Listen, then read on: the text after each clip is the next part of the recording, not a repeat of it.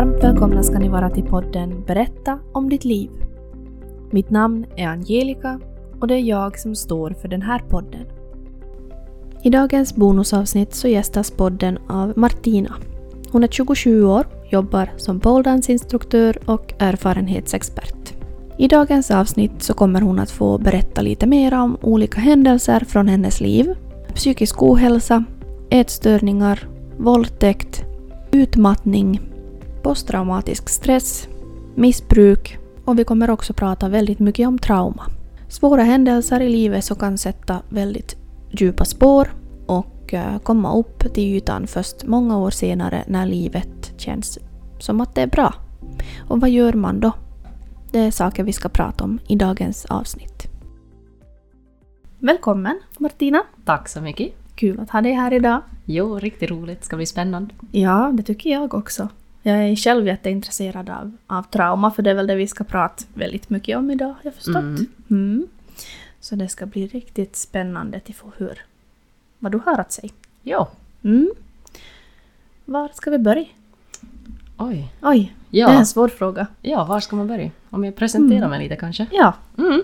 Så jag heter Martina, jag är 27 år gammal och hemma från Jakobstad, bor nu i Jeppo. Och jag vad heter det, erfarenhetsexpert och jobbar som det och också som poledanceinstruktör och danslärare. Och bor i Jeppo med min sambo och hans femåring, mellanvarven, varannan vecka ungefär. Mm. Så du har hittat till, till Jeppo. Ja, det blev till det. Ja, där är det säkert ganska lugnt och skönt. Väldigt långt ja. Mm. Just det. Trauma. Mm. Mm. Det är någonting som, som intresserar dig Jo. väldigt mycket. Ja, förstått. både intresserad och såklart i och med att jag varit med om mycket Mm. trauma själv. Både, man brukar tala, eller vissa talar om big T-trauma och small T. Liksom att Mm. mindre grejer och större grejer. Jag har haft lite av båda. Och jag har liksom på senare år märkt hur mycket det påverkar. Att liksom, jag har researchat mycket själv och försökt liksom få klarhet i att hur fungerar trauma, vad gör det åt kroppen, Mm. vad gör det i hjärnan, hur påverkar det hur jag beter mig och hur jag beter mig mot andra människor. Och jag har märkt liksom att jag har mycket som man borde kanske reda ut. Mm. Så att jag har haft trauma redan mindre grejer från att jag var liten, men när jag var 20 någonting så var jag med om en större händelse, det var sexuellt trauma, våldtäkt. Och efter det så fick jag posttraumatisk stressdiagnos. Och då blev det väldigt mycket tydligare de här påverkan som trauma har haft. Och liksom jag hade jättemycket konstiga symptom som inte jag själv alltid förstod. Det var svårt att förklara åt andra, ganska skrämmande. Och jag borde ju kanske ha tagit hjälp i terapi med samma eller någonting, men i och med att jag bodde inte i Österbotten just då, jag visste att jag skulle flytta bort småningom. Jag var många år på väg också att flytta utomlands, så jag vågade inte liksom ta den här terapin i och med att Kela ger ju som en gång terapi på det viset att man får det beviljat och så betalar en stor del av det. Så jag ville liksom att när jag tar den här terapin så ska jag veta att jag hålls på ett ställe så att jag inte Mm. måste liksom avbryta mitt i. Så då bestämde jag att, men okej, att någonting måste jag i alla fall göra. Och då blev det till det att jag började researcha liksom själv och försökte lära mig min kropp och tog förstås hjälp av alla ställen jag nu kunde, även om det inte var just den här klassiska terapin. Men att både liksom mer alternativ vård och också liksom att jag kunde nu såklart gå till psykologer och sånt och, och prata där och allt möjligt. Och vad heter det, då blev det liksom att det blev en intressegrej i och med att jag ville ju bli själv i skick och fungera så bra som möjligt i vardagen. Så där i så har det blivit nog att jag har läst på mycket. Mm. Just det.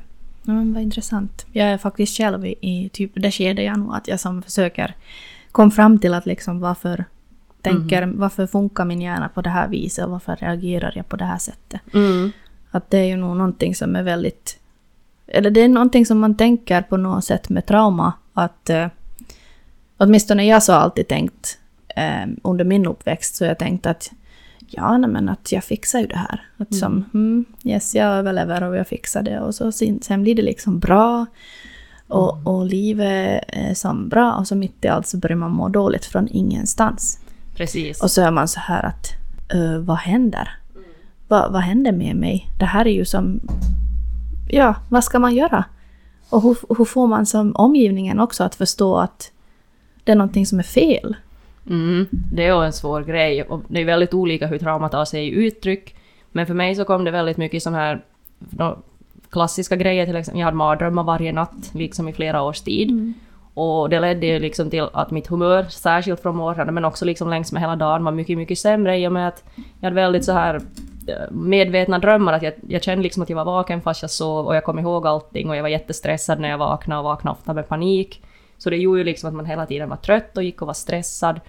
Och sen blev det också tidigare när jag liksom fått det här traumapåslag när jag var yngre så har jag blivit arg. Att jag liksom har exploderat, jag ropar och liksom sådana grejer. Men efter den här våldtäkten när jag liksom hamnade i en situation där det inte skulle ha hjälpt att vara arg, det skulle inte heller ha hjälpt att springa iväg någonstans, så blev det istället att jag frös. Och jag kunde inte göra någonting, jag kunde inte tänka, jag kunde inte känna, utan jag var bara helt bara som död fast levande mm. i princip. Och efter det här liksom så blev det också att alla gånger när det blev någonting som påminde om trauma eller någonting som liksom växt jätte, väckte jättestarka känslor i mig så blev det att jag som stängde av. Och jag kunde inte heller styra det själv. Utan det blev liksom att jag... Det känns som att gå typ på autopilot, att kroppen gör vad den ska göra, jag tänker inte på någonting, jag känner ingenting, man är helt som neutral. Mm. Och det är ju inte så lätt för andra att märka, för jag verkar ju helt precis vanlig och inombords så kan det vara tusen känslor eller ingen alls och det är jättesvårt att slippa ur. Och att få folk att förstå det där att fast jag går och jag pratar och allting mm. sånt där, men att jag fortfarande mår jättedåligt, så det kunde vara svårt. Mm. Ja, svårt man får ju ofta det där bemötande att ja men jag tycker du verkar må bättre nu. Mm. Och man bara mm, ja. ja, exakt. Så du skulle veta. Mm. Och sen blev det ju mycket också i och med att jag hela tiden gick omkring och, och hade de här liksom att jag var stressad, små saker fick mig påmind och så var kroppen i stress. Och till sist började ju liksom från insidan, organ och grejer blev ju trötta. Mm. Så att då blev det ju en hel massa andra problem liksom att med stresshantering och, och, och jag fick allergier och sådana här mer fysiska symptom som från början var psykiska grejer. Och det här var ju som en ny, någonting nytt för mig, att jag tänkte ju liksom att har man trauma och man har haft, varit med om något svårt så då är det liksom hjärnan, det är känslor det är frågan om. Men sen när det kom över till den där psykiska bit, äh, fysiska biten, att man liksom inte mitt i allt kunde äta gluten och inte kunde äta mjölk och och liksom att binjurarna var trötta och sköldkörteln funkade inte som den skulle. Jag kunde liksom inte connect det där att det liksom hade med trauma att göra. Mm. Så det liksom öppnade en helt ny värld. Ja, det kan jag tänka mig att det gjorde. Nå, om vi går tillbaka till barndomen. Mm. Yes. Ja. Då, då tänker jag säga med samma liksom att alltid när jag liksom föreläser eller pratar som erfarenhetsexpert så jag vill inte alls jag brukar sällan gå in på andra personer, liksom att jag går inte och tänker att vem har haft vilka fel mm. och vem har gjort så här, utan Nej. jag försöker alltid att berätta ur eget perspektiv och inte heller skylla på någon, mm. för att jag vet ju att alla gör ju sitt bästa med liksom den förutsättningar de har och mm. den kunskap och känslor och allting. Så från barndom så, vad heter det nu, jag hade lite tufft, jag hade en förälder som hade missbruksproblem, och sen så, vad heter det, den andra föräldern liksom ensamstående med mig och min syster. Och det ledde ju till förstås att om någon lever ensam och har två barn så det, det blir ju inte så mycket tid kanske över till det där att liksom connecta med barnen och prata igenom svåra saker och jag var själv som barn också väldigt stängd. Mm. Att jag, jag släppte inte någon nära, inte kompisar och inte liksom skola och inte föräldrar och inte någonting. Så ingen märkte ju liksom att jag inte mådde så bra. Så det blev ju liksom det där att jag, jag lärde mig att stänga av känslor och inte känna någonting alls ganska snabbt. Och vad heter det förstås, att växer man upp med en förälder som har missbruksproblem så att i, även om jag inte bodde där hela tiden så nu var jag ju ändå med där. Mm. Och det påverkar ju ett barn som inte kanske på det viset förstår att vad, vad händer och varför mm. och, och sånt. Så att där kom nu en del sådant. Ja, precis det. Jag läste lite på de sidorna som, som du skickade också. Mm. Och de mm. finns ju tillgängliga på din Instagram. Mm. På, där på de här runda bollarna på yes. storyn eller vad man ska kalla det. Mm. Om man vill fara in och läsa mm. läsa lite mera på jo. dina tankar. Yes. yes. Och du har ju skrivit väldigt mycket så här om just i skolan, sen då du kom upp i lite högre ålder, att du fick problem också med ätstörningar. Mm. Visst? Mm. Yep. Hur gammal var du då? Jag tror jag var 11 eller 12 som jag första gången blev sjuk. Mm. Och det hade hänt ganska stora händelser som i mitt liv, eller som för en 11-12-åring, mm. att jag hade, vad heter det, ena föräldern blev väldigt sjuk och sen så hade jag en styvförälder som flyttade bort och vi, vi, vi böt var vi bodde och det var mycket som, stora grejer mm. som hände på en och samma gång. Och jag kände liksom att jag som barn kunde inte påverka så himla mycket. Att det var massa svårt som hände och jag, jag kunde inte göra någonting åt det, så då blev det istället att jag, jag började kontrollera mat och liksom motionen. Mm. Att det blev mitt sätt att på något vis försöka hitta det här kontrollen och det här i en tillvaro som inte gick att kontrollera. Mm. Så många har ju kanske det där att de, de får sina ätstörningar för, på vår utseendebas. Men på mig, för, liksom för mig har det alltid varit det där att hålla kontroll. Mm. Så det var nu min första sån här teknik som jag hittade Mm. helt. Och jag märkte ju också att folk märkt när man gick ner i vikt, att man blev smal och folk blev oroliga och jag saknade lite det här att någon märkt överhuvudtaget Mm. hur jag mådde. Så det för, förstås hjälpte ju med det också att folk började fråga. Och du sa, alltså du har ju haft olika ätstörningar som Mm. jag förstod. Du har Mm. haft anorexi, du har haft bulimi och du har haft eh, ortorexi, visst heter det så? Mm. Ja. Japp. Har det här varit som så här samtidigt eller har det kommit i olika perioder i livet? Lite både och, att det började nog som anorexi. Att jag, Mm. I och med att jag inte visste så mycket om träning när jag var 11-12 års ålder så blev det det där att jag, jag kontrollerade maten. Sen när jag blev äldre så började jag ju träna och det har varit till jättestor hjälp just träningen. Men sen tog jag det över lite så att det blev nästan det där att väldigt kontrollerat hur mycket ska jag träna och jag måste träna för att få äta. Och det här maten skulle ju vara exakt, alla näringsämnen skulle vara där och det skulle vara speci- specifika tider och det blev väldigt som sådär upp, vad heter det, diktad vardag. Att det fanns inte så mycket frihet och spontanitet där. Och bulimi har liksom, det har kunnat finnas inslag av det just att jag har kunnat äta någonting så jag ångrar mig och gått och spytt upp det, men inte liksom på det där att det skulle i långa perioder ha varit endast bulimi, att det har kunnat vara liksom att det har kommit inslag av det. Okej, just Mm. det. Mm. Eh, Du har skrivit där någonting också om att du fick hjälp i Fredrika-kliniken, men var det här då redan? Eller Nej. kom det först senare visst? Det kom senare. Jag, Mm. jag, fick, eller jag sökte inte själv heller hjälp av någon förrän jag var över 18, för jag var jätterädd att om jag sökt hjälp för någonting och det liksom hade att göra med min familj eller med folk som jag bryr mig om, att det på något vis skulle skyllas på dem eller att det ska, eller till exempel att vi ska, jag och min syster ska bli tagna från Mm. vår familj eller någonting sånt, att jag var rädd att det skulle gå ut över andra, min, min dålighet, och jag var också Mm. rädd att ingen skulle ta mig på allvar, att inte här, mitt mående skulle vara tillräckligt dåligt för att någon Mm. skulle bry sig.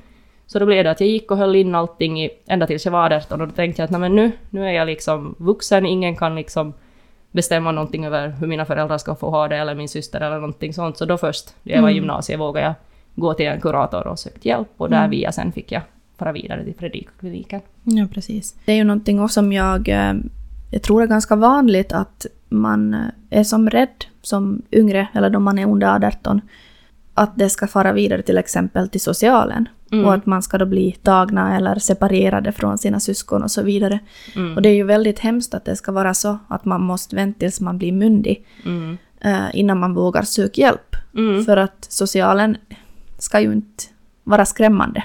Nej, Det precis. ska ju vara en, en, ett ställe som, som man i så fall får hjälp och stöd från. Mm. Men det där tror jag är ganska vanligt, just att man, man håller in det helt Mm. enkelt för att man är rädd. Japp, absolut. Och ett barn det är som så, det är så beroende av sin förälder och sin familj och Mm. liksom oavsett hur man mår eller vilka saker som påverkar en så är det ju ändå liksom det där, det är fortfarande liksom mamma och pappa Ja, och precis. syster och liksom sådana grejer så att det blir ju det blir ju så stort för ett barn. no, så är det. Och sen är det ju att oavsett hur mycket skada det än gör en, Mm. med eller utan avsikt, Mm. så är det ju ändå ens förälder som Mm. man älskar och som man ser upp till och man vill ju inte dem illa. No, nej, precis det. Mm.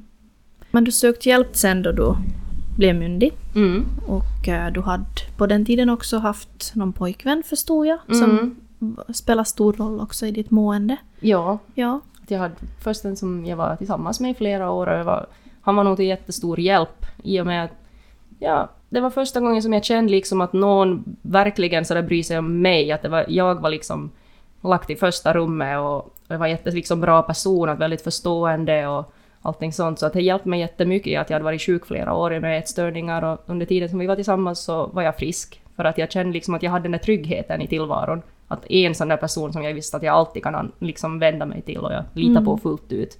Så det hjälpt. Men det stod sedan slut. Jag hade, vad heter det, jag mådde så dåligt och jag jobbade väldigt, väldigt mycket. Att jag flydde liksom in i arbete, träningar, i skolan. Att jag försökte hela tiden hålla mig själv aktiv just för att inte behöva känna, inte behöva tänka. Och till sist, om man hela tiden är borta och gör saker, så till sist så funkar det ju inte en Mm. relation. Nej. Hur tog du den breakupen? Var det jobbigt? Mm, ett senare skede faktiskt. För att först, det, var på, det, var, jag som gjorde faktiskt. För jag, jag fick dåligt samvete för att jag tyckte att jag, jag gör inte det här bra och jag, jag förtjänar inte liksom en sån här människa när jag inte kan vara lika bra Mm. tillbaka helt enkelt. Så jag bestämde bara att nu, nu får det liksom, jag måste ta bort det här för jag har dåligt samvete.